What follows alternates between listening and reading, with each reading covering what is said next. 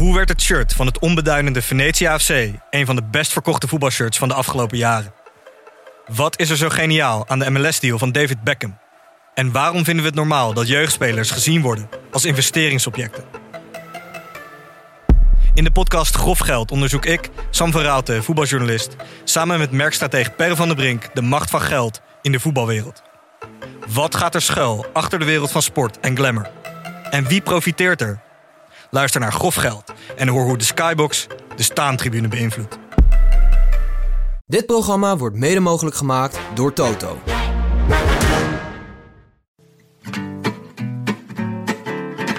Het is zondag 15 april 2018. Het derde weekend achtereen dat we achter onze televisies kropen om een klassieker te zien. Vandaag op het menu die van onze eigen.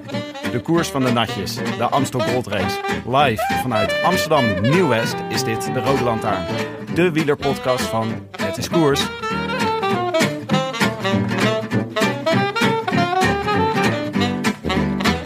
De Amstel Gold Race. Is het nou het einde van de kassei-klassiekers of het begin van de Waalse weken? De renners weten het zelf soms ook niet, want het deelnemersveld was dit jaar de best of both worlds.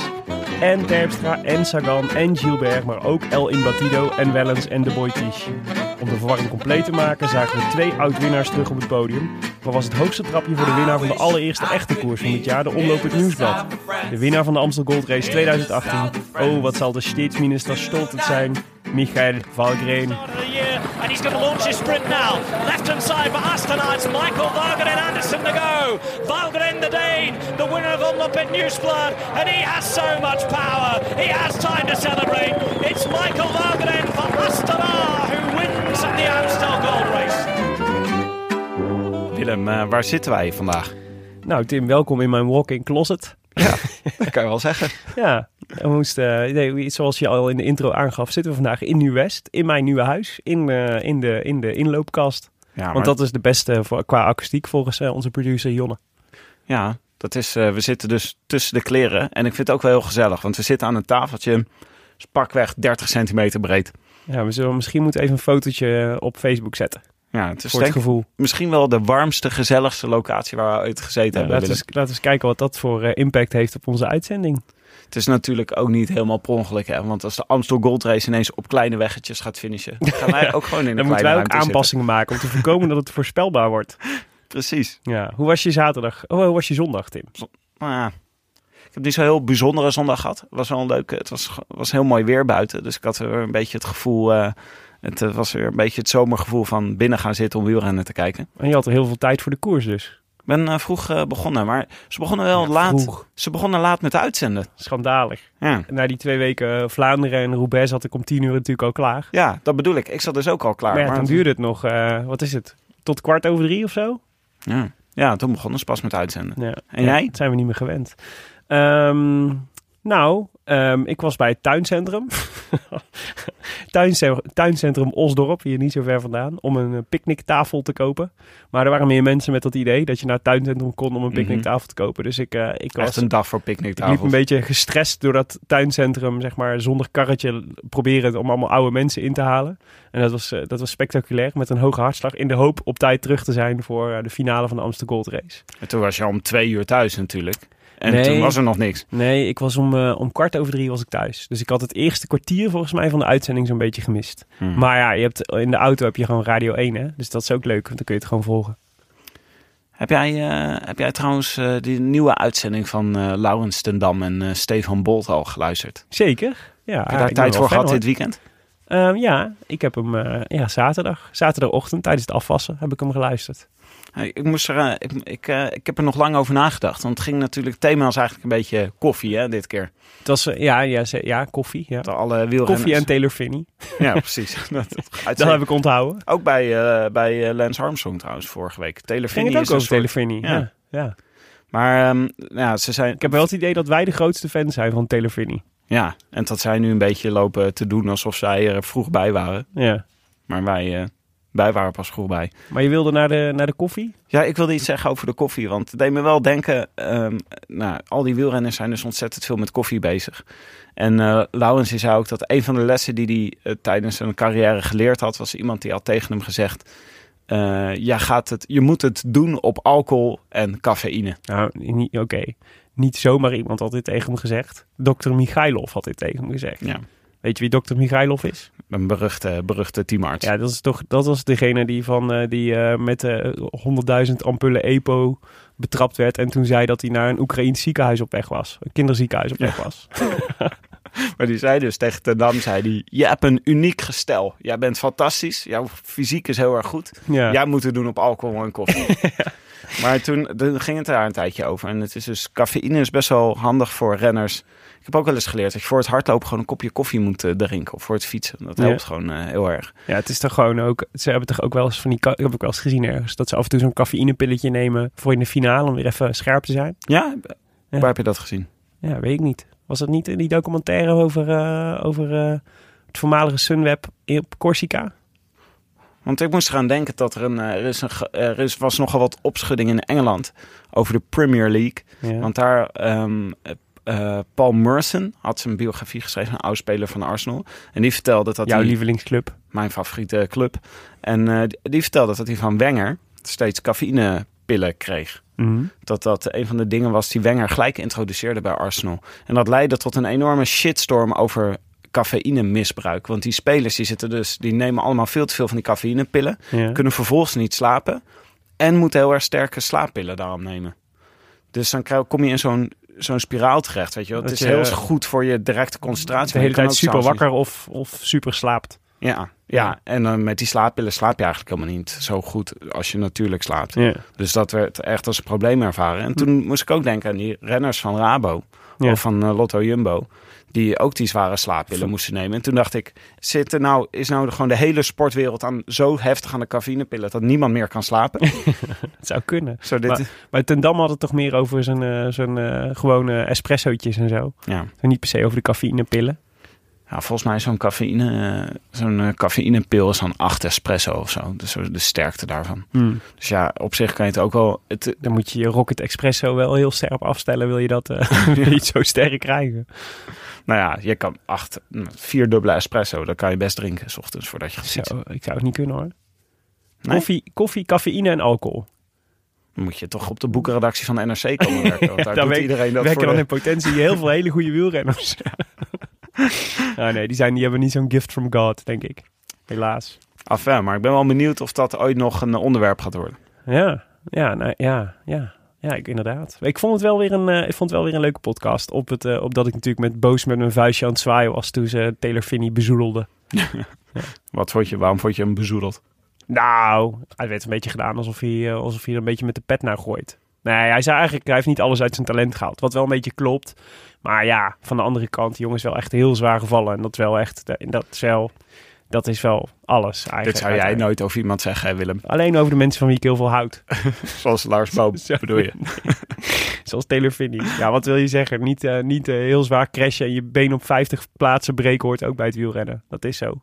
Maar ja, het is wel een verklaring, denk ik, waarom Finney nu niet zo goed is als hij zou kunnen zijn. Ja. ja. En Misschien bloot hij wel om de pijn een beetje te bestrijden. Je weet nooit. Ja, want dat werd gezegd, hè, dat hij voortdurend bloot. Ja. ja bloot, blow en Mu- Murakami lezen, dat, dat doet hij de hele tijd. Je ziet het wel een beetje in de interviews, toch? Ja. Ja, maar dat is wel een beetje een boulder dude, toch? Hoe ze, hoe, die zijn toch allemaal een beetje zo. Boulder. Jij hebt in Amerika gewoond, jij moet het weten. Ik ben nooit in een boulder geweest. Lijkt me heel leuk. Maar het is, volgens mij is Boulder een beetje zo'n soort van halve hippie-commune. Waar dan een soort half hippie, half topsporters woont. Omdat het ook nog op hoogte is en heel prettig toeven. Ja. Ja. Ik zou er wel een keer heen willen. Boulder, Colorado. Misschien moet Taylor ons uitnodigen. Taylor? Ben je nog, eh, is, was er, is, eh, ben je nog deze week nog met andere dingen eh, bezig geweest? Ja, heel veel. dat is een Ja. goede vraag. Goede inleidende vraag. Ja, het was natuurlijk een beetje de week na Parijs-Roubaix. Met, waarin, waarin we de, de Brabantse pijl hadden. Maar wat ook nog steeds natuurlijk een beetje in het teken stond van de nasleep van het grote ongeluk van Michael Golaerts in eh, Parijs-Roubaix. Hmm. zijn hartaanval waaraan hij gestorven is. Wat heel treurig was en ook wel een beetje, nou ja, is, je luistert onze podcast terug. Wij maken ons natuurlijk ook al nog steeds vrolijk over de koers. En een half uur na de opname kregen we het bericht dat hij overleed. Daar werd ik ook wel een beetje stil van. En, ehm, en we hadden het volgens mij keurig opgelost met een berichtje ervoor. Dat de luisteraars in ieder geval wisten dat, we het niet, dat wij het nog niet wisten. Hmm. Maar ik zag ehm, de dag of twee dagen daarna was Wout van Aert was zijn, zijn ploeggenoot en zijn ploegcaptain was bij Sporza. En, die, ehm, en Wout van Aert is eigenlijk altijd een beetje gesloten en een beetje een cliché wielrenner, weet je wel. Dus ik, ik heb altijd moeite gehad om van Wout van Aert te houden. Ook omdat hij natuurlijk de antagonist is van, eh, zeg je dat zo? Antagonist van Mathieu van der Poel, zeg maar. Ja. Zijn, eh, Ja, ja zeker. literair, eh, ja, met Mooi- li- mooi gezegd. literair geweten. Dus het Kan lastig om... vijand. Zo. Ja, maar dat klinkt weer zo hard. Het is Nemesis. Tegen, zijn tegenpol is Ja, het. oké. Antagonist. Antagonist. Oké. Antagonist van eh Mathieu van der Poel is. En Mathieu is natuurlijk is een, een Nederlander, een sympathieke gast. En altijd eh, kan altijd makkelijk, al makkelijk praten. Wout van Aert heeft, iets, heeft dat iets minder. Maar hij was, hij was bij Sporza, werd hij geïnterviewd over de dood van zijn ploeggenoot. En eh, het was een soort van drie minuten, eh, ja, ja, zo pure, pure, eh, liefdevolle emotie.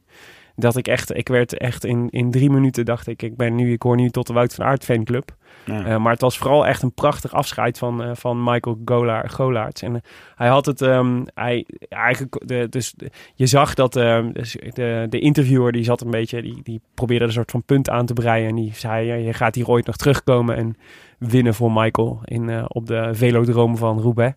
En, eh, en toen zat hij een beetje zo snikken. Ja, zei ik nog. En dat was, dat was Ja. echt een prachtig einde. Maar eigenlijk is het, het- volgens mij kun je het gewoon kijken op, eh, op eh, de website van Sporza. Dus ik zou het zeker doen, want het is echt, ik vond het echt, het was het, was het mooiste wat ik gezien heb als, als afscheid van, van, van Golaerts. Gewoon een door de weekse interview. Waar was het? Eh, volgens mij was het zo maandagavond hebben ze zo eh, na afloop van de koers of na praten van de koers met zo'n tafel. Dat sowieso echt heel erg de moeite waard is, dat programma. Hmm. Maar er zat Naasten en Van Marken. En, eh, maar het is, zo, het, is, het is zo fascinerend hoe, hoe die renners, die toprenners daar dan allemaal op, op reageren. Die plaatst het echt heel erg buiten zichzelf. Wat ik ook wel weer soort snap, weet je, ze hebben het heel snel over. Dit, is een, dit kan overal gebeuren. Dit is een, eh, dit is een, eh, die jongen heeft een hartaanval gehad. En eh, het heeft niet zoveel. Ze proberen op allerlei Ja. mogelijke manieren te vertellen dat het niet niks met de wielersport te maken heeft. En dan deed volgens mij hetzelfde. Ja, ja. Ja, ik denk dat, daar, dat je daar echt bij die. Ik snap heel goed dat je als je tot die beroepsgroep behoort, dat je dat, dat, dat je redenering is. Maar het is natuurlijk, volgens mij is het onzin, toch? Ja, je zoek- ik denk dat je op dat soort momenten zoek je ook heel erg naar iets om de schuld te geven. En zij Ja. zeggen, ze, hun reactie is natuurlijk van, ja, geef nu niet de wielersport de schuld. Want dit is gewoon, Nee, maar nou ja, sport in het algemeen dan misschien. Maar, eh, maar ik, het feit is toch dat het in de wielersport en in de sport, topsport in het algemeen, toch echt verdacht vaak voorkomt dat Ja. eh, mensen hun lijf het letterlijk gewoon begeeft. En Ja. jonge lijven. Het is niet normaal dat iemand van 23 eh, een hartaanval krijgt, toch? nou, wij hebben het natuurlijk met Nouri meegemaakt afgelopen jaar. Ja. ja, het zijn gewoon trieste zaken. Maar het is, eh, nou ja, goed. Laten we het houden bij eh, kijken Wout van Aert bij Sportza. En je houdt voor eeuwig van Wout van Aert. Ja, mooi Willem. Wel, het is wel eh, warning, het is wel hartverscheurend. Dus eh, het is eh, niet zomaar eh, in de pauze, en niet zomaar in de pauze kijken. Ik kan nu wel een natje gebruiken eigenlijk. Dat snap ik. En eh, dat treft ook, want ik heb, eh, we zijn natuurlijk bij, bij mij thuis. Dus ik heb een koelkast vol witte wijn. En, eh, en witte wijn uit Frankrijk, want daar vertoeven mijn schoonouders de helft van de tijd. En dat betekent dat ze af en toe eens wat meenemen. Dus we hebben nu een Bourgogne uit 2015, een Chardonnay. Ehm, dus ik stel voor dat ik die even inschenk. En dat we ondertussen even luisteren naar... Een woord van de sponsor. Mooi. Een chardonnetje. Wil jij ook? Halfje. Halfje. Half pilletje. Halfje. Ja. Ja. Ik merk gelijk. Halfje er even in scherm pil. blijven. Golie. Golie. Op Golie. Dus was zijn bijnaam? Echt? Ja, van eh Golaard. Hier. Ze hadden allemaal van die rouwbanden met Golie erop. Is dit, jouw half, is dit jouw opvatting van een halfje? er niet helemaal op te drinken. right. Jongens, proost. Cheers. Op, eh, op Golie. Nou jongens, naar de koers. Ja. De Amstel Gold Race. Tim, wat Ja. is dat voor eh, wedstrijd? Nou, Willem, leuk dat je het vraagt. Hij was eigenlijk eh, tot, eh, tot de laatste 20 kilometer was die identiek, ident, identiek, van, ehm, identiek met de race van vorig jaar. Ja. Het, de Amstel Gold Race begint in Maastricht en eindigt in Berg en Terblijt. Voor- speelt zich af in Limburg. Ehm, maar wat ze, wat ze de laatste jaren gedaan hebben, is de koers zoveel mogelijk aanpassen om hem zo spannend mogelijk te maken. Ja. Eh, en wat je jarenlang hebt gehad, was dat op de kou, iedereen reed gewoon met z'n allen naar de Kouberg toe. En dan eh, degene die als hardste, snelste de Kouberg op kon rijden, die, eh, die won. En dat wilden ze voorkomen. En vorig jaar was dat al heel goed gelukt. Door de Kouberg gewoon iets eerder in het parcours te leggen. En nu dachten ze, we gaan ook nog even zorgen dat dat einde zich niet op grote straten afspeelt. Ja. Grote lange wegen. Maar op smalle straatjes die veel, veel eh, bochten hebben. Dus dat was eh, veranderd aan, Ja, eh, aan wat dit jaar. Wat ik wel leuk vond, ik las dus een interview met Leo van Vliet in het AD over die veranderingen in het parcours. En hij suggereerde eigenlijk min of meer dat hij elk jaar voortaan eh, veranderingen in de, in de finale van de Amstel Gold Race ging maken. Omdat hij zei, ja, die ploegen die worden gewoon steeds beter in het verkennen van die, eh, verkennen van die wedstrijden. En, eh, en die, die bestuderen alles heel, heel erg nauwkeurig. Zodat als je hetzelfde parcours nog een keer maakt, zeg maar, dan kennen ze het zo goed dat de koers veel te voorspelbaar wordt. Ja. Dus hij probeert gewoon iedere keer iets te veranderen, waardoor er een soort van nieuwe onvoorspelbaarheid in de koers komt. Dat is toch wel- ik vind dat wel een leuke opvatting eigenlijk. Ja, het zou wel leuk zijn als, je, als wij op een gegeven moment zeggen... dit wordt de klassieker waarin we van tevoren niet het parcours vertellen. Je volgt de bochtjes. ja, je moet gewoon de bordjes het publiek volgen. En dan weet je niet wanneer... We spreken af. We gaan nog een keer de Kouberg over. link- vier keer links. Het is een beetje zoals Nicky Terpstra, WT-huisgenoot van Laurens ten Dam deed. Dat, ze, dat hij dacht dat ze thuis waren. En dan zei eh, Nicky Terpstra, we nog één, eh, nog één rondje? dat was om hem net kapot te maken. Lijkt mij serieus een leuk idee. Gewoon, eh, gewoon zeggen, we gaan daar finishen. Je moet gewoon de bordjes volgen. En we zeggen, niet waar je, we zeggen van tevoren niet hoe je moet rijden. Nee. Echt goed plan. Maar ze moeten, in, eh vooralsnog is het eh, dus eh, eh, nog een eh, koers waarvan het parcours wel bekend is. Ja. Ze moeten wel drie keer de Kouberg over. Mhm. Dat is natuurlijk leuk. Niet misselijk. De IJzige Bosweg is ook een belangrijke.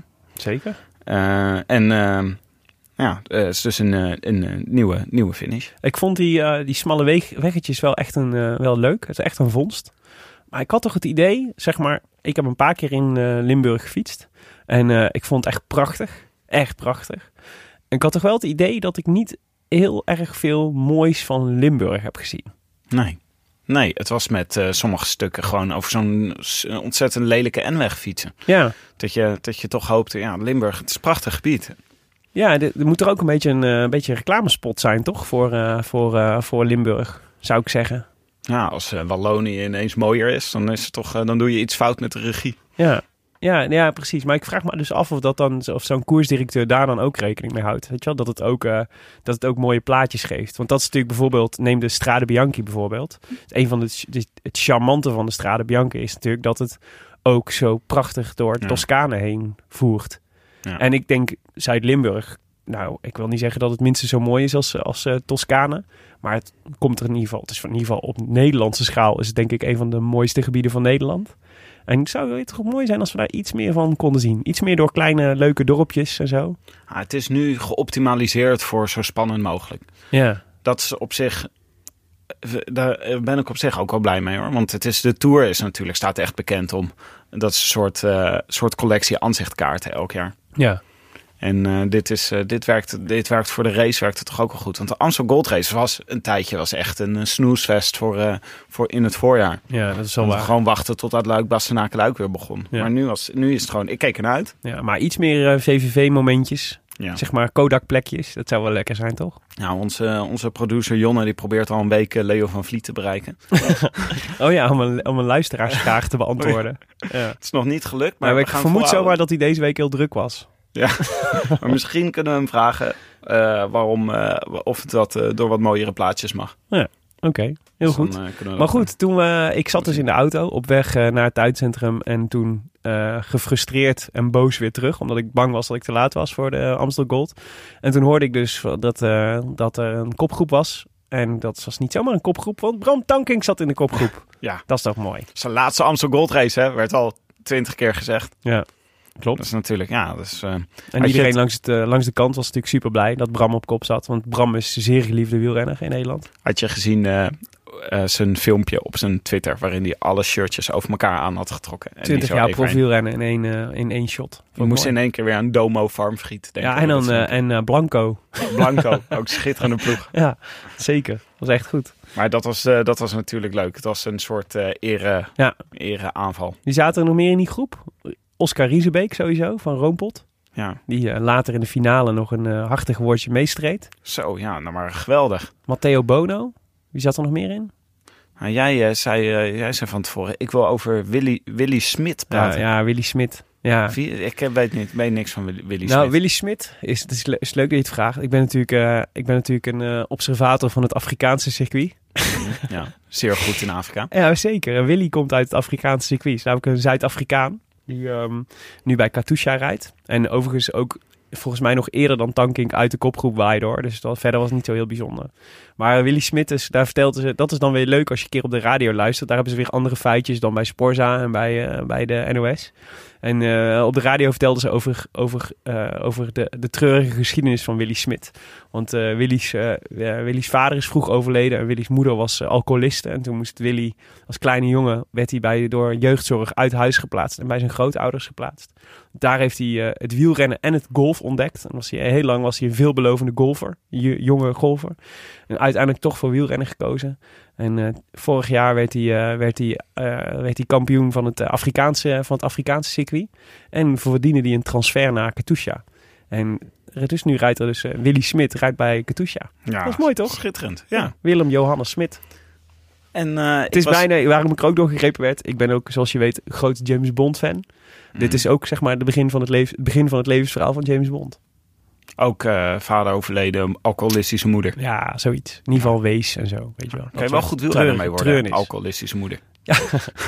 Alcohol en koffie, hè? we hebben het nu Alcohol, gehoord. Dat is de basis. Maar ik vind altijd zo grappig aan Bram Tankink. Dat is dus echt, eh, je, je hebt zo'n heel peloton renners, altijd natuurlijk, die gewoon ten dienste van andere renners moeten rijden. En die Ja. ook een hele carrière op zo'n manier kunnen hebben. Heb je, Maar Bram Tankink, die stijgt er soort van bovenuit. Die is echt al, die, die, die, doet ook nooit in de finale mee. En rit, die heeft volgens mij een keer een rit in de ronde van Duitsland gewonnen in 2005 of zo. Mm.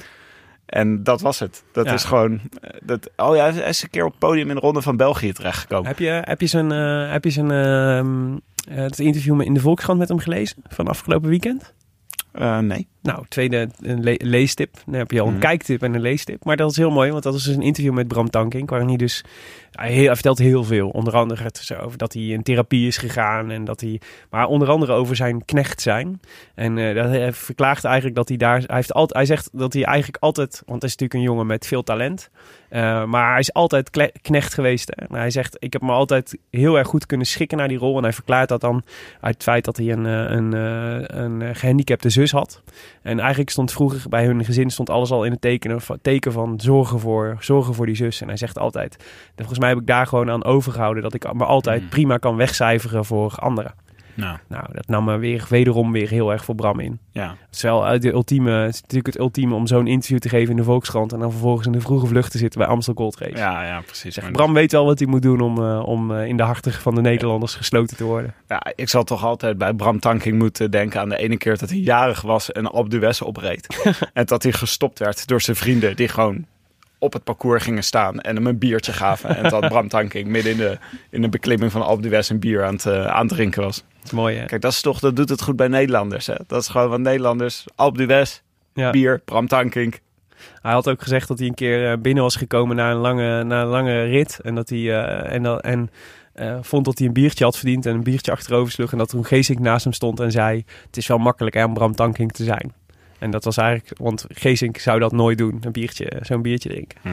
Maar die rijdt nu wel rond met een scootertje omgebouwd tot eh, rijdende koffie. Ja, eh, dat hoorde salon. ik ook, ja. Ik snapte dat verhaal niet helemaal. En ook niet wat er nou zo leuk aan was. Oh. maar v- wie, vertelde jou dat dit een heel leuk verhaal was? Eh, ja, ja, ja, volgens mij eh Laurens ten Dam in de podcast. Nou, maar het is, eh, het het is wel leuk, want hij zit, is, al, die, al die renners zitten bij elkaar in Girona. En dan heeft hij heeft een handeltje opgezet, eh, opgezet waarin eh, een klein scootertje met een heel goede koffie, met een goed koffiezetapparaat achterop voor de race, dus iedereen een kopje koffie geeft. Dat hebben ze nodig, want ze hebben allemaal cafeïneverslaving. Slim. Dus dat is een hele goede, het is vooral een hele Dus slimme Geesink is nu de huisdealer eh, in Girona. ja, ja, het is ja. En je kan hem ook volgen. Het heet Broomwagon op, eh, op Instagram. Broomwagon. Oké, Ja. laten we terug naar de koers gaan. Bezemhagen, weet je wel. Ja, ja, ja, ik Snap het. De rode lantaarn eigenlijk. Maar dan net achter. Ja. Ja, ja eh, nee, terug naar de koers. Wat gebeurde er in de koers? Nou, wel de, toen ik inschakelde had, had je dus eh, de typische Tour de France vlakke etappe situatie. Met een kopgroep die een kwartier voor lag. Ja. Nou, het was inmiddels volgens mij na acht minuten terug, maar het was nog steeds lang. Eh ze lagen ver voorop. En eh, achtervolgend ge- vrij groot peloton. En dat duurde ook best wel lang, want we beginnen ze pas om drie uur met uitzenden. Maar dat gewoon, nou, het ging nog in ieder geval nog een uur zo door. Ja. Voordat, er, eh, voordat er iets gebeurde. Ja, dat sowieso. En wat natuurlijk fascinerend was, en eigenlijk nooit, ook in de Tour eigenlijk nooit gebeurd, is dat de kopgroep, eh, ook al werden ze gepakt, wel een rol van betekenis bleef spelen in, eh, in het koersverloop. Ze waren gewoon, ik denk dat gewoon een sterke, het was echt een sterke kopgroep. Ja, terwijl er niet eens zulke grote namen in zaten, Nee. eigenlijk. Nou ja, de, wij waren natuurlijk, wij keken voornamelijk naar Riesebeek. Die voor mij wel, la- laten we het daar zo meteen even over hebben. Want ehm, eigenlijk het eerste wapenfeit, of eh, de eerste, de, de, de plek waar de koers echt ontplofte, was de, de laatste keer dat ze de Kouberg opreden. Dat was wel het moment, ja. Ja, en dat was toen eh Kreuziger en Casparotto, eh Gasparotto, Mhm. allebei wegreden. Twee oud-winnaars van, eh, van de Amsterdam Gold Race. Ja, Dat is niet de minste. Die hebben we nog niet heel veel gezien dit jaar. En dan ineens Nee. zijn ze daar. Ja, Maar ik vind wel Kreuziger vaak goed hoor. Dus, eh, hij kan ook goed rondes rijden. Het is gewoon dit, goede... Volgens mij is de Amsterdam Gold Race gewoon de eerste race waarin die, eh, waarin die echt altijd goed wil zijn. Die goed bij hem past. En voor Gasparotto geldt hetzelfde. Ja. Ja. En maar dat- die reden weg, op de, die wilde wegrijden op de, op de Kouberg. Ja. Eh, en toen viel eigenlijk meteen een van de grote favorieten. Of in ieder geval een veelgenoemde naam. Matthews. Die viel Ja. eigenlijk weg. Ja, die had echt op het verkeerde moment. Die had volgens mij vlak daarna had hij een lekke, lekke band. Of nee, hij had iets, er was iets kapot aan zijn fiets. Ja. Maar weer op een ontzettend ongelukkig moment. Ja. Team Sunweb heeft toch een beetje een, eh, een voorjaar van pech. Ja, maar ehm, en wat me ook wel weer opviel was dat het was nu niet, die koers was nog niet echt ontploft. Er was nog echt een groep van, ehm, van 25, 30 man over.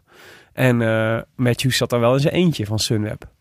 En dan dacht ik, ja, Ja. maar kijk wie je allemaal bij je had eh, eh, in de Amstel Gold, zeg maar. Dat, daar had toch in ieder geval nog wel één, in ieder geval nog één iemand bij moeten zitten. Ik heb Laurens wel zien zitten. Eh Laurens Sendam. Maar Ja? dat, ja, die was er dus in de finale niet meer bij.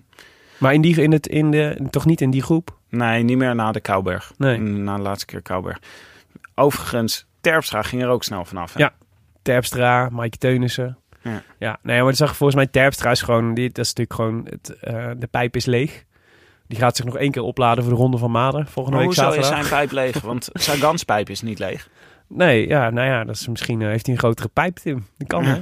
Maar, eh, maar ehm, nee, maar Terpstra, ik, weet het, ik weet het niet. Ik had niet hij volgens mij zei hij zelf ook al van tevoren dat hij echt naar de kloten was, nog steeds. En, ehm, en bedoel, mega inspanning in Vlaanderen, mega inspanning in Roubaix. En ik denk ook dat, dat Terpstra heeft natuurlijk zijn hele voorseizoen afgestemd op die twee koersen. Vlaanderen en Roubaix. Dit is Dus ook niet kan ik me voorstellen koers dat het een dat het eh, nee dat ook nog. Het is niet echt. Ja, hoewel dat dat zeg je nu, maar ik vind de Amstel Gold Race eigenlijk een soort uiteindelijk als, je alles eh, eh, optelt en aftrekt zeg maar, vind ik het de ronde van Vlaanderen, maar dan zon, maar dan op asfalt. Dus, is- hij zou het wel op zich zou hij het wel eh, moeten aan die, moeten kunnen. Toch? zijn wel, die klimmetjes zijn wel pittig. En het zijn er heel veel. Hè? Dus het is ook... Ja, maar de muur van Gerardsberg is ook heel pittig. Maar het zijn er wel heel veel. Daar heb je gelijk in. Ja, het is Dan wel op, toch op altijd neer, op neer, de, op en de neer. klimmers blijven toch over. Eh, dat zie je toch vaak, eh, Ja. vaak gebeuren.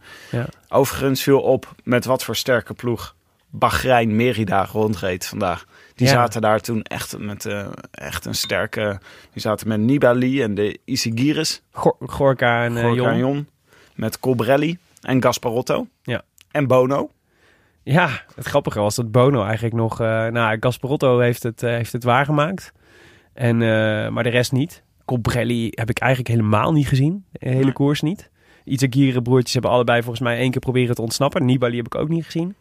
Dus het was het werd met veel eh, pom tam tam aangekondigd dat, eh dat Bahrein Merida hier met eh, als een soort quickstep of quickstep floors zou, zou, gaan, zou gaan opereren in de Amsterdam Goed jezelf verbeterd, Willem. Wij zijn ook beter geworden het Ja. ja. voorjaar.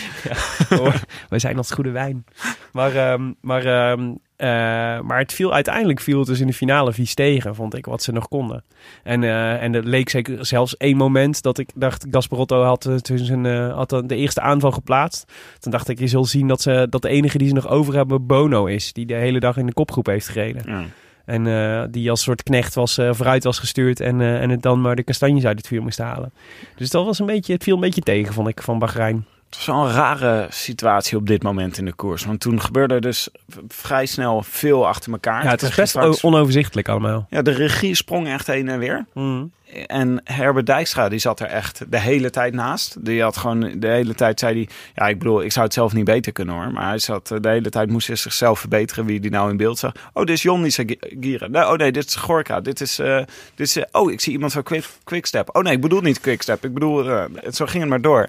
En omdat de regie dus ook heel erg heen en weer sprong... Ja, waren momenten dat ik echt niet wist. Ik heb een hele tijd gedacht dat Daryl Impey vooruit had. ja dat was, dat, op een gegeven moment eh, dat was, leek het een beetje ja, in dat beeld. Die reed tussen Maar- twee groepen in. Maar ik vind, ik, de Amstel Gold Race heb ik dus altijd de neiging om, om die wel... Ik kijk altijd graag op Sporza. Het liefst, dat vind ik het leukst. Omdat ik hou heel erg van Wuits en de Kouwer. En van dat, dat zachte Vlaamse, daar hou ik heel erg van. Maar ehm Amstel Gold Race mag ik altijd graag op de Nederlander kijken. Eh, en, eh, maar ik was nu een paar keer heen en weer gezapt. En iedere keer als ik zapte naar de NOS, dan, was het, dan kreeg ik een soort tussenflits van Joep Schreuder... die bij het PSV-stadion een of andere Ja. voetballer stond te interviewen. Ja. Nou, daar was ik echt, daar dacht ik echt na drie keer, eh, het is wel goed. Nu, nu ga ik weer terug naar Michel en José. Ik weet niet zo goed dat ik met die motor-updates moet hoor. Dat Joris, Joris van den Berg, die zat nu op de motor Ja. achter de groep. En bij de Belg zit Renaat altijd achter op, de- op, de, op de motor. Ja. En dan krijg je altijd... je krijgt, bij, de Belg is helemaal van... eh Renaat, eh, wat zie jij? Nou, ik zie die en die en die en die. Oké, en dan, was, dan is het weer klaar. En dan zit hij dan voor de hele dag achter op de motor. Ik vind het toch niet echt alsof, die, alsof Ja, hij nou zoveel meer ziet dan wij Nee, maar het eh, leukste van, als ze op de motor zitten, is dat ze het een beetje. Dan moeten ze eigenlijk het commentaar van, de, van José en Michel of van eh, Herbert en Maarten een beetje verder inkleuren. Dus dan Ja. om zo van dichtbij te kunnen zien wie is er goed. En eh, zit er nog iemand achter die, die erbij zou kunnen komen of wat dan ook. Maar ze, vaak, komen ze, dicht- vaak komen ze op die momenten niet zo heel veel verder. Inderdaad, dan constateren wat we zelf ook al hadden gezien. Maar wat dan een soort van extra cachet krijgt, omdat je dan die ruisende wind hoort. En, Ja. dus voor het- je kunt ze net zo goed eigenlijk zo in de studio in een, bij een ventilatortje zetten. Dan geloof ik het ook wel, zeg maar, dat het zo is. Wat, wat wel goed ook wel goed werkt, is dat je af en toe kan zeggen: Er gebeurt nu zoveel, we kunnen niet naar Joris van den Berg. dat gebeurde namelijk ook. En toen dacht ik: Wow, er gebeurt echt veel. Ja, maar er gebeurde ook wel echt veel. Dus het was ook best, volgens mij was het ook op een gegeven moment best een onoverzichtelijke koers. Omdat er gewoon veel Ja. kleine groepjes overal eh, verspreid waren. En de motors volgens mij ook op de verkeerde plek zaten. Maar ehm, nou ja, dus dat moment van, eh, van Matthews, die, eh, die eh, ja, ik dacht ook dat hij lek reed. Maar dat was, dat was einde Matthews, want dat was echt op het verkeerde moment. Geen teamgenoten bij zich, geen, geen wagen van, van Sunweb achter hem, dus dat was klaar. Ehm, maar op de Gulmerberg, zeg je het zo, Gulmerberg of Gulhemmerberg? Gul, gul me bij. Gulmerberg. Daar, nee, je moet echt proberen om geen Limburgs na te doen. dat, is echt, dat is echt not done. Maar toen, dat was zeg maar het moment waarop er een grote eh, aan de boom geschud werd. En Ja. een heleboel mensen afvielen. Ja. Omdat, eh, nou, onder meer Valverde ging, eh, ging even voorop rijden. Ja. Nou, toen was toch, dat is een soort moordenaar in, deze, in dit soort koersen. Ah, Valverde is wel, nou ja, we hebben het al vaker gezegd, maar dit seizoen, hij steekt er zo met kop en schouders bovenuit. Hij kan, gaat zo godschuwelijk hard als hij aanzet. Ja, Dus maar- als rijpe appeltjes vlogen ze eraf. Ja, vind ik ook. Maar toch dat je dan... eh Sagan die vertrekt geen spier hoor. Die blijft gewoon echt... Die laat Valverde geen, geen centimeter wegrijden. En in principe zou, zou Valverde dit beter moeten kunnen dan Sagan. Ja. Ja, ik heb, ja oké. laat maar hier, komen we, hier komen we nog op terug. Want dit is, want later, Sagan is een groot acteur, denk ik. Oh ja? Ja. Omdat hij, omdat hij speelt of hij of dat hij het heel makkelijk of- heeft, ja. ja. Ja. En, en ik denk dat hij dit, deze koers zo'n goede acteur was... dat hij ook eh, dat hij Valverde erin heeft laten tuinen. Maar dat het... eh, dat Oh, het- Sagan heeft Val... oh, Ik dacht dat je zei Valverde is een goede acteur. Maar Sagan is een goede acteur. ja. Ja. ja. Valverde is gewoon heel erg gruwelijk goed. Ja. Sagan ook, maar Sagan was vandaag niet zo sterk, vond ik. Want hier is, we, moet- eh, om even de goede volgorde Ja. aan te houden. Hier werden Kreuziger en Gasparotto teruggehaald Ja. door de groep. Eh, toen kreeg je een demarage van Van Avermaat met. Mollaar. Ja. En eh, dat dacht ik heel even, wow, Van Avermaat gaat aan. Maar dat is toch dit seizoen, is dat niet? Wow, Ik Van vond Avermaat deze demarage echt exemplarisch voor zijn voorseizoen. Het, was, het is, eh, het is eh, als, je, als, je, ehm, als hij echt goed is, dan wacht hij gewoon. Denk ik dan. Want dan is, het, dan is het nog te vroeg. Dus het is ook wel een beetje. Ik vond het niet een teken van, eh, van, eh, van sterkte. Ik vond het gemak waarmee Rudy Molaar hem volgde, vond ik ook heel veelzeggend. Want dat is toch niet echt een renner waarvan je zegt, daar gaan we, daar gaan we voor, voor de televisie zitten. Ja, en het was gewoon, het was ook niet het moment. Dus zijn timing is een beetje off van Van Avermaat, waar, die ook al, waar ik hem ook altijd goed vond. Ze, hij heeft niet echt de power om echt een verschil te maken. Terwijl het er ook wel een koers is die hem, moet, eh, die hem zou moeten liggen. Dus ja, het is Ja. gewoon niet, een, eh, het is niet echt een Van Avermaat voorjaar. Nee. Hadden we al gezegd, maar dat blijkt maar weer. Het was ook opvallend dat zo rond dit moment in de koers... dat eh, zag ik een beeld voorbij komen waarin Sagan niet wilde gaan rijden. Mhm. En ik zag hem gewoon nee schudden. Het was inmiddels twee- 200 kilometer achter de kiezen natuurlijk. Die was gewoon moe. Die, eh, dus dan is het toch eh, de kassei eh, van waar we het eerder over hadden. Dat Ja. Terpstra ook al aangaf dat hij moe was. Ja. Zag je nu toch ook dat dat bij Sagan zijn, Ja, zijn tol trok. Want die, was niet, die, die kon op een gegeven moment ook niet meer kop overnemen. Wat natuurlijk Die fascinerend beelden had ik nog nooit gezien. Gewoon Sagan die zegt, eh, nee, eh, Nee, ik ben moe. niet. Romario is moe. I'm eh, very, very tired. Oh ja, Slowaken mogen wel. Limburgers niet, maar Slowaken wel. Maar ehm, eh, wat, waar mijn hart sneller van ging kloppen, was dat ik zag dat wat ik al fantastisch vond, was dat Riesebeek er nog bij zat. Na, een, na 200 kilometer in de vlucht en dan nog in staat zijn om. Ik zei, volgens mij appte ik jullie. ehm, ehm, dat ik het fascinerend vind dat je dan zo in één keer... Dan ben je Oscar Riesebeek en dan zit je plots met Sagan en Van Avermaat en Gilbert en Ja. eh, Valverde diep in de finale van de, van de Amsterdam Gold Race. En je kunt ze gewoon bijhouden. Dat Want er was een demarage van Riesebeek. Nou ja, dus met, ik, was wel, eh, ik was wel super trots op omdat hij erbij zat. En je zag op een gegeven moment zag je dat moment eh, dat de toppers echt naar elkaar begonnen te kijken. En toen dacht ik, als je ballen hebt, dan ga je nu, dan ga je nu fietsen. Want, eh, want eh, dit, is, dit, zou, dit is het moment. Dus je kunt dan, hè, je kunt op zo'n moment volgens mij, je kunt voor de veilige optie gaan. Dus je kunt zeggen, ik ben al super trots dat ik erbij zit. En dat ik, eh, dat ik ehm, eh, voor een ereplaats kan gaan. En misschien zelfs gegarandeerd top 10. Want volgens mij waren ze nog maar met Sebastian twa- man of Langeveld 12. optie. Ja, misschien. 12, met 12 man zaten ze volgens mij in die kopgroep. Dus je weet dan als je gewoon aanhaakt en die kopgroep rijdt door, dan, dan heb je goede kans dat je top 10 rijdt. Wat voor Riesbeek echt een fantastische prestatie zou zijn. Maar wat ik echt, wat ik echt voor die jongen vond pleiten, was dat hij het gewoon probeerde. En gewoon Ja. zei, eh, ja, wij zijn, eh, hij zei het achteraf, zei hij, ja, we, zijn, eh, we staan bekend als een aanvallende ploeg. En, en dat wil ik ook diep in de finale, wil ik dat waarmaken. Dus als er een kans is, en dit was mijn kans, dan, ik weet ook wel, ik moet, ik ga, in, de, in de sprint ga ik het, dat vond ik ook nog. Hij had gewoon serieus overwogen. In de sprint ga ik het afleggen tegen Sagan en Valverde. Dus moet ik het zo proberen. Ik dacht, wat? Dit is echt was mooi. Ook, eh, Bogert, ik zag een interview met Bogert eh, een paar dagen geleden. En die Ja. zei ook, onze doelstelling is om mee te zitten in de finale. Omdat Ja. ze dus de voorgaande seizoenen nooit tot de finale mee konden zitten. Maar nu wilden ze ook aanvallen in de finale. Dus dat Ja. past heel goed bij de Roompot Ja. teamstrategie. Eh, maar, Maar het dit is gebeurt wat wij, echt eh, hoogst zelden hoor. Dat een renner als Riesebeek, dat zeg maar de, Ja, dat hij het kan. De, de- ja, een onverwachte renner. Je moet zeg maar een bepaald eh, eh, eh, gehardheid van de koers moet je hebben om met dit soort koers in de finale nog echt mee te kunnen doen. Ja. En daarvoor moet je gewoon een paar keer eerst meegezeten hebben voordat je gaat winnen. Want je ziet het eigenlijk gewoon nooit gebeuren dat een renner als Ja, wij Riesebeek ook. dan ineens eh, een klassieker wint. Nee, hij waaide ook vrij snel weer terug. En, eh, en dat was jammer, maar het, is wel, het, het was wel eh, in de, in, ook in de gedachte die wij in deze podcast vaak huldigen. Namelijk, eh, heb altijd, je moet altijd een strategie hebben om te winnen. Zelfs al ben je Oscar Riesebeek en je zit in, eh, je zit in een kopgroep met Sagan en, eh, en eh, Valverde. Dan moet je nog bedenken, wat is nou, hoe ga ik nou de kans maximaliseren dat ik hier straks als eerste over de streep ga. Ja. En hij, had gewoon, hij, had, hij heeft gewoon letterlijk afgewogen. In de sprint Ja. ga ik het niet redden Ja, tegen die jongens. Dus ik moet, dit, ik moet het zo doen. Die afweging is al glorieus. applaus voor Oscar Riesebeek. Want dit is echt dit is hoe je een koers moet rijden. Er zaten toen op dat moment twee Astana's in de kopgroep. Ja, dat was Vogelsang en eh Valgren. Valgren. Ja. Va- Valgren. Valgren. Maar wij maken altijd grapjes. Vooral afgelopen tour Sofuli. over de... je wilde heel graag... Had je een paar borgen grapjes Ik heb opgeschreven? wel nog wel een paar geboren grapjes opgeschreven, ja. Misschien als we tijd hebben, maak ik ze nog wel. Wij maakten tijdens de tour maakten we grapjes over de eh, ontzettend slechte strategieën die Astana altijd heeft. Ja. Namelijk de totale absentie van strategieën. Mhm. Nu had je ook een moment trouwens dat eh, Vogelsang het gat dicht ging rijden met Valgren. Toen Ja. hij de eerste keer probeerde weg te rijden. dat, dat hebben we ook gezien.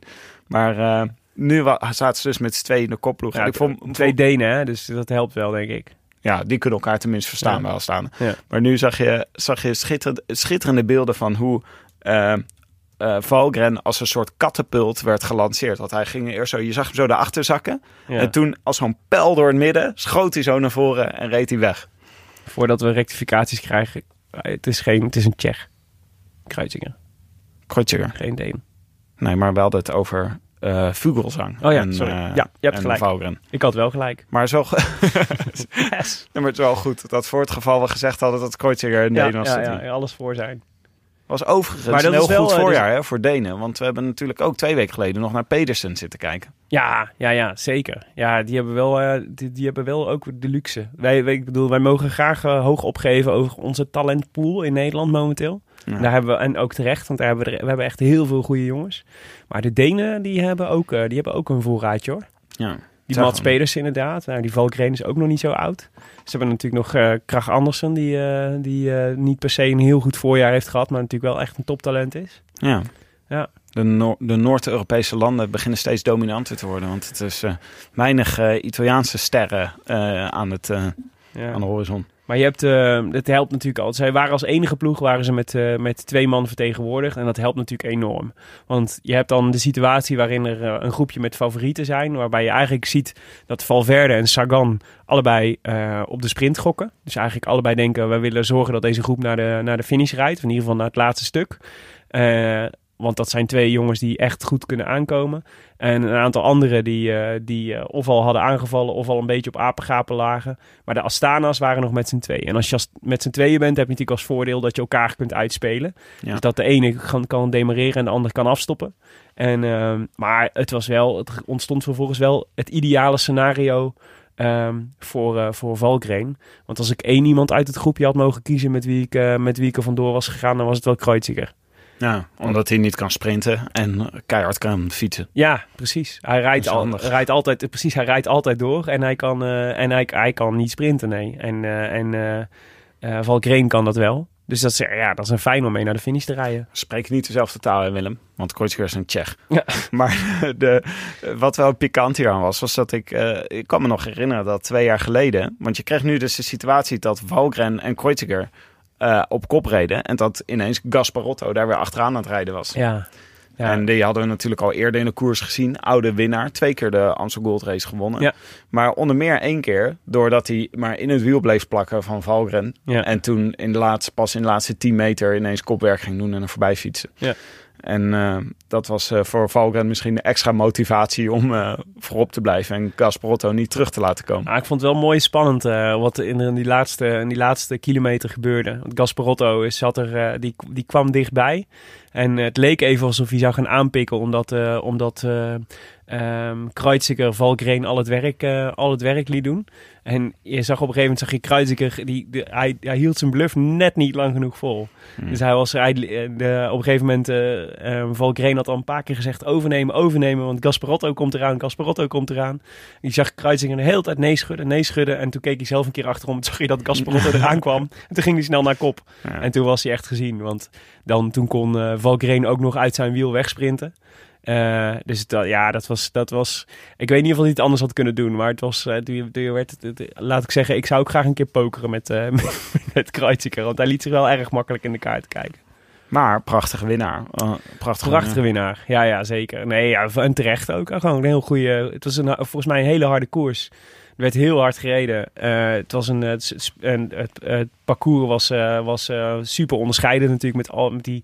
Wat is het, 35 klimmen of zo? Ja. Ja, dan wint de, de, wint de sterkste. En als je kijkt wat voor... Nou, hij mag er echt trots op zijn. Want als je kijkt naar wat voor deelnemersveld hier eh, eh, aan de start stond.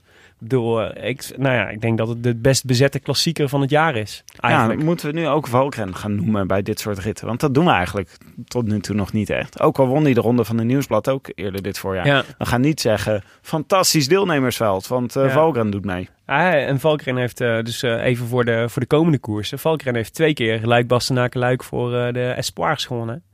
Dus het is, eh, het is eigenlijk, hij kijkt altijd het meest uit naar Wallonië, zegt hij. En de Waalse Hmm. klassiekers. Dus ehm, nou, ik vraag me af hoor, want het is natuurlijk nog een relatief jonge gast. En het is, nou ja, we zien aan, aan de jongens, eh, aan jongens als Terpstra wel hoe zwaar het is als je, eh, hoe, als je een heel voorjaar wil rijden. Dus met zeg maar Vlaanderen en, en Wallonië. Dus ja, ja, de vraag is of dat hij daar echt nog een deuk in een pakje boter gaat slaan. Maar het zou hem wel, het zou, hij zou het wel moeten kunnen. En ehm, de Nederlanders. Wie hadden we als eerste Nederlander? Ja, Oscar? Riesebeek, ja. Ja, dus die, eh, nou ja, dat was dood of de gladiolen en het werd de dood. En, eh, maar eh, alle, alle respect daarvoor. Maar hij werd 22e volgens mij. Mhm. En ja, het is wel, ik vind het wel treurig uiteindelijk dat in de, de Nederlandse klassieker... Dat, dat we de eerste Nederlander terugvinden op de 22e plek. Hoewel ik het Oscar wel vergeef, want die heeft echt eh, kleur gegeven aan de, aan, de, aan de koers. Dus die, was, die vond ik echt fantastisch. Maar er waren wel toch wel een aantal andere tegenvallertjes. Dus ik, en dan eigenlijk kijk ik met name naar Bert-Jan Lindeman en Bouke Mollema. Want daar had ik echt wel meer van verwacht. Mollema vond ik lastig inschatten van tevoren. Want die, was, die hebben natuurlijk nog niet zo heel veel gezien. Eh, die heeft nog geen. Dit was zijn eerste eh, dagkoers, volgens mij. Of uh, heeft wel een paar. eh, maar. maar ehm, en, maar op zich zou het hem beter moeten liggen. En ik vond dat hij een paar keer te vroeg afging, eigenlijk. Lindeman had ik zelfs opgeschreven als. eh, dat was ook wel een beetje opportunistisch. Als potentiële winnaar. Eh, en die, heeft, eh, die heb ik echt de hele koers niet gezien. Nou, volgens mij reden, want Geesink en Mollema heb ik eh, wel eh, een aantal Ja. keer in beeld gezien. Maar die reden me allebei een beetje als voorbereiding op de Giro hoor. Die, die ja, dat komt. is natuurlijk logisch. Dus ze waren een beetje gewoon benen testen, niet al te veel forceren. ja, En natuurlijk een hele dus seizoen- Lindeman is wel iemand die ging hier gewoon voor goede klassering. Ja. En zij ging Nou, en, de, en zijn Lindeman eh, reed in de Brabantse Pijl, vond ik ook heel erg goed. Dus ik had wel gedacht dat hij beter zou zijn. Ja. Maar ja, misschien een slechte dag. Of is het toch net iets te lang voor hem? Dat zou kunnen. Ja, Terpstra die ging natuurlijk al vrij snel af. Maar ik denk dat we moeten constateren dat we... Dat we weet je wel, dat, is, dat vind ik dat echt wel het leuke van dit voorjaar. Dat je gewoon... Dat Nederlands talent... Het is echt het voorjaar van het Nederlands talent. Ja. En, eh, en van de doorbraken, weet je wel. Dus we hebben, we hebben ehm, Mike Teunissen hebben we al gehad. We hebben Timo Roos hebben we gezien. Eh, Fabio Jacobsen. Ja, ik vind, eh, volgens mij mogen we na vandaag eh, Oscar Dylan Riesenbeek... Groenewegen natuurlijk. Dylan Groenewegen, uiteraard. Mogen we Oscar Riesenbeek daar ook wel bij schrijven. Want ik vond dit echt een prestatie van formaat. Ja. Dus ik mag hopen dat hij het... dat hij, ik ben benieuwd wat voor renner het wordt uiteindelijk. Zeg maar. Waarom hem, of dat hij het echt een Amstel Gold Race renner is. Of dat hij nog veel meer kan. Daar ken ik hem eerlijk gezegd niet zo goed voor. Maar ik vond het echt te gek dat hij, dit zo, dat hij het zo reed. We moeten het afsluiten Willem. Amstel Gold Race eh, 2018. Of zijn we nog iets heel belangrijks vergeten? Nou ja, de rode lantaarn voor spelbokaal. Ja. Eh, had iemand het... wa- zaten er mensen tussen die het goed geraden hebben? Nou, we hebben 100 mensen, eh, iets meer dan 100 mensen hebben meegedaan. En niemand had het goed. Oh. Ja, Ik zag wel, ik had wel gezien dat er mensen Impi hadden voorspeld. ja dat één zo iemand had grappig. Daarom Impie viel me ook op. Ja, Ja, daarom viel op dat Impi ineens voorop reed. Toen dacht Ja. ik, hè? ja. Dat is toch onverwacht? Nee, eh, Valverde was wel de grote favoriet. Ja. Uiteindelijk. Van, eh, van, van, van ons publiek. Maar ehm, eh, ja, nee, die, die deed het helaas niet. Dus dat was jammer. Nee, dus niemand heeft, het, heeft de Rode Lantaarn voor spelbokaal gewonnen. Wat echt jammer is. Want dat betekent dat de prijzen bij ons blijven. Ja, wij hadden... goed, ik had, ik had. Valverde voorspeld. Nou, die, die Ja. deed het goed, maar kon niet, kon niet om de overwinning meedoen. Je Nee. had Alaphilippe. Alle Philippe, ja, nou, reed eh, in de kop mee. Dus dat was, eh, dat was aardig. Maar eh, ik had meer van hem verwacht. Ja. Ik had in ieder geval verwacht dat hij nog wel één keer echt zou kunnen demereren. En dat deed hij niet echt. Dus er zat toch te weinig snit op uiteindelijk. En eh Jonne had eh, Boy Tisch. Jonne, ben je er ook? Ja. Heb je- Jazeker, jazeker. Heb, hoe heeft Tisch het gedaan vandaag? Een, zie je wat schaamrood op je kaken. een ouderwetse, ouderwetse DNF. Oh. Ik- hij- ik Wat was er aan de hand met Tisch? Want dit is wel zijn koers eigenlijk. Ja, ik had hem, ik had hem ook En- wel... eh, En. Brabantse Pijl reed hij gewoon goed. Dus Ja, was hij derde. ja. Eh, daarom had ik ook wel goede hoop. Eh had Roubaix niet gereden om hier ja, fit te zijn, uitgerust te zijn. Hij heeft natuurlijk ook lang voorjaar achter Ja. de rug. ja. Ehm, en ik zag hem eigenlijk tot een kilometer of 40, 30, 40 zat hij goed. Ja. Samen met Wellens. Ja. Maar daarna heb ik hem eigenlijk niet meer gezien. Dus ik, ik weet niet zo goed wat er is gebeurd. ja. Nou ja, misschien gewoon eh, niet zo goed vandaag. Kan. Ja, de boog kan niet altijd gespannen zijn. Zelfs niet bij mijn boy. Zelfs niet bij Tisch. Nee. Nou ja, dus ook wij niet gewonnen. Wat jammer is. Maar ehm, wel betekent dat we eh, met, eh, met eh, extra gespannen hartjes nou door kunnen naar Luik, Bastenaken, Luik. La Doyenne. Ja. Ehm, Die gaan we opschrijven. Ik zie dat jij hier hebt staan. Valverde mag niet, want die heeft al vier keer gewonnen. Ja, dat is te makkelijk. En hij is zo goed. Oké. Ik had eigenlijk ook zoveel mensen voorspelden Valverde ook voor vandaag. En hij was ook zo ontzettend sterk. Ja. Dat is eh, gewoon eigenlijk... Ja, eigenlijk ik, eh, je hebt, soms heb je van die, eh, van die koersen... Welke rit was er nou vorig jaar? Dat Valverde ook gewoon iedereen ongeveer van kop af eraf reed. Was dat niet op de muur eh bij het Ja, Vlaamse daar wint hij, spel? ja. Daar wint hij echt heel vaak. Ja. En, eh, maar dat is... eh, de, uh, Luik, Bastenaken, Luik is hem ook echt op een lijf geschreven. Ja, woensdag gaat hij voor de zesde toch? Uh, zes keer Waalspel. Ja, ik Ja. zie niet wie hem, wie hem daarvan af gaat houden, eerlijk gezegd. Nee. Nee. Ja, ik had ook vandaag, eh, keek ik een beetje naar Dan Martin. Die kan ook dat soort dingen altijd heel goed. Maar die is eh, Ja. uit vorm. Nou, Weet niet. daar ben ik niet helemaal mee eens. Tenminste, hij is wel uit vorm, maar ik ga hem wel opschrijven voor de voor Luik Bastenaken Luik. Ja? dit, eh, ga jij eh, Dan ik ga voor Martin Daniel spelen? Martin. Ja, Oh, ja het is de, ook omdat ik fan ben. Ik hou van puncheurs die proberen een grote ronde te winnen en dat nooit gaan Ja. lukken. Eh hetzelfde is Alaphilippe en in ja, mindere mate Valverde natuurlijk. Die heeft de Vuelta een keer gewonnen. Maar ehm, nee, ja, zeker eh Daniel Martin. Heerlijke, heerlijke coureur. Valt altijd Ja. aan. Heerlijke punch in de benen. Eh, hij heeft nog niks laten zien dit jaar. eh, wat op zich eh, niet zo'n ramp is. Mm. Eh, want dat doet hij eigenlijk nooit tot dit drieluik. En Ja. in de Amstel is hij eigenlijk nooit goed. Vijftiende kan ik me een keer herinneren, maar ook niet heel veel meer. Ja. En ehm, mijn verstand zegt Vogelsang, maar mijn hart zegt eh, Daniel Martin. Oh. Vogelsang was heel goed vandaag. Ja. Eh, maar ja die, eh, ja, die moest ook wegrijden, zeg Ja. maar. Hij kon het niet op zijn sprint aan laten komen.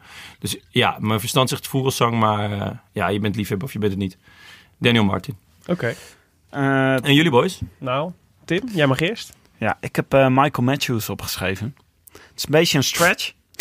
Ja, maar het, is, eh, het komt er maar niet uit eh, voor Sunmap dit voorjaar. Terwijl ze, wel, terwijl ze volgens mij wel heel goed Ja. Doe dan, doe dan gewoon Tom. Gaat hij meedoen? Tuurlijk. Ja? Ja, zeker. Is kopman ook hoor.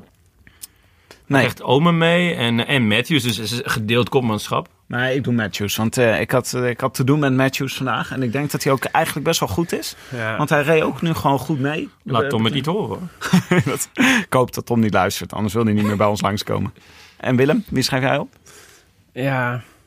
Nee, kijk, weet je, ik zou heel graag, ik zou wel graag Dumoulin zeggen, maar ik denk dat Dumoulin heeft gewoon te weinig koersdagen nog gehad.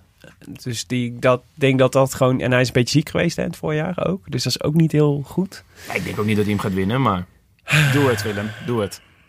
Vugelsang ga ik voor. dat meen je niet. Ja. Je had gewoon mijn Ja. eh. Vuursang. Dit is, dit is een waarschuwing hoor. Vuursang. Die, Wordt eh, heel veel nou ja, ook, ook omdat, ik, eh, omdat ik nog heel veel boringgrapjes eh in mijn, up my sleeve heb. En ik moet toch, dan kan ik die volgende week spelen.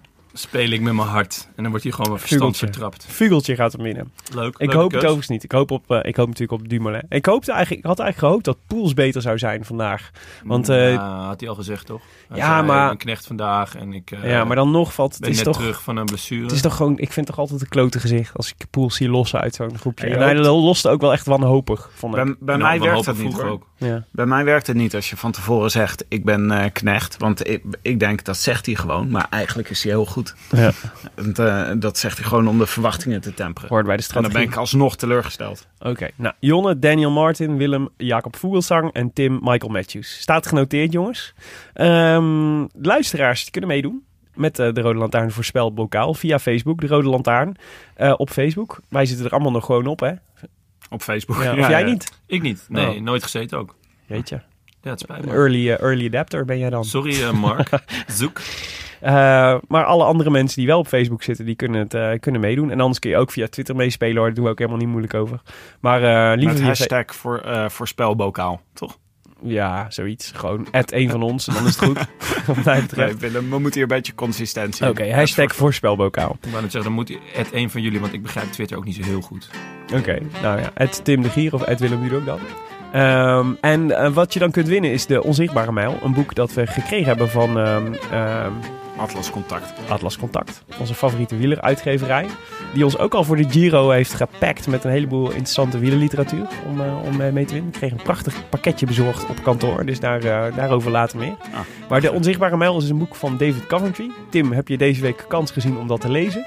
Ja, het gaat over een eh, Australische ploeg die deelneemt aan de Tour van 1928. Zeker, toen de etappes nog 500 kilometer waren. Eh, en je krijgt daarbij ook een eh, speciaal ontworpen wedstrijdaffiche van, ehm eh para- eh, van ehm Luik Bastenaken van mysportmoment.com. En dat zijn ook altijd hele toffe dingen. Ehm, En wat gebeurt er eigenlijk met het affiche van vandaag? ja, niks dus. Die blijft gewoon bij hun. Oh, ja, ja, niemand heeft gewonnen. Dus waarom hier ga ik hem sturen? Wil jij hem hebben? Ja, tuurlijk. Nou, dan ga ik gewoon zeggen dat jij gewonnen hebt. Lekker. Kijk of ze erin trappen. Oh, Kijk of ze luisteren. van werken bij de Rode Lantaarn. We, we kunnen hem ook in deze inloopkast in eh, Nieuw-West kunnen we hem ook ophangen. Om Ja, een klein beetje een soort wielersfeer. Dat is waar. We moeten misschien nog even overleggen met mijn vriendin. Ehm, maar goed, dat was het weer. Dus eh, u luisterde naar de Rode Lantaarn. Gepresenteerd door uw favoriete bankzitters Willem Dudok en Tim de Gier. Geproduceerd door Jonne Seriese van Dag en Nacht Media. Tevens eh eh, medevoorspeller. En wij danken hetiskoers.nl, de wielerblog van Nederland en Vlaanderen. En Shimano Benelux voor de sponsoring. Ja, wil je reageren op deze uitzending? Via Twitter zijn we te bereiken via Willem Dudok en Tim de Gier. Wij vinden alle vragen en opmerkingen vinden we leuk. Zeker. Eh, en eh, abonneer je op eh, iTunes of laat daar een reviewtje achter. Dat vinden wij ook heel erg leuk. En dat helpt andere mensen weer om onze podcast te vinden.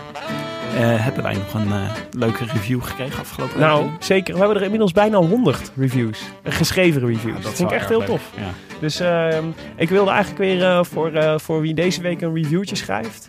En de, de leukste review die we volgende week, die we volgende week ehm, eh, voorlezen, die krijgt ook een boek. Oh, nog een winactie Willem. Nog een winactie, ja. ja. Dat is extra motivatie om een review Een soort te schrijven. Winfrey zijn we toch eigenlijk? Ja, precies. Iedereen een boek, iedereen een boek. maar eh, iemand die daar net te vroeg voor was, helaas, is eh, Jacco van de A. Maar die had ons, heeft ons wel vijf sterren gegeven, dus daar ben ik echt heel blij mee. En Tim ook. Toch, Tim? Ja, de- eh, hij heeft mij ook vijf sterren gegeven, bedoel je? Ja, of gewoon ons vijf sterren? gegeven. Ja. En die schrijft perfecte manier om wakker te worden op de maandag of dinsdagmorgen. Precies de nabespreking die je nodig hebt na een dagkoers. Vooral aan te raden voor de fans van Ties Benoot. Ga zo door, mannen. Ja, is wel zo. Ja, mooi gezegd. Inmiddels is het onze boy Ties, heb ik het idee. Bedankt Jacco. Hoe meer fans van Tissue beter hoor, wat mij betreft. Ja, zeker. Ik ben benieuwd. Ik denk dat Jacco van der A daar ook al bij hoort. Zou die zelf al luisteren? Nee, Kom aan, Ties. Je moet het even naar hem sturen. Ja. ja, laten we het doen. Eh, dat was hem. In ieder geval de Amstel Gold Race van 2018. Ik vond hem leuk. En eh, wij zijn er volgende week weer na eh Liège, Bastogne-Liège. Zin in. A biento. A biento.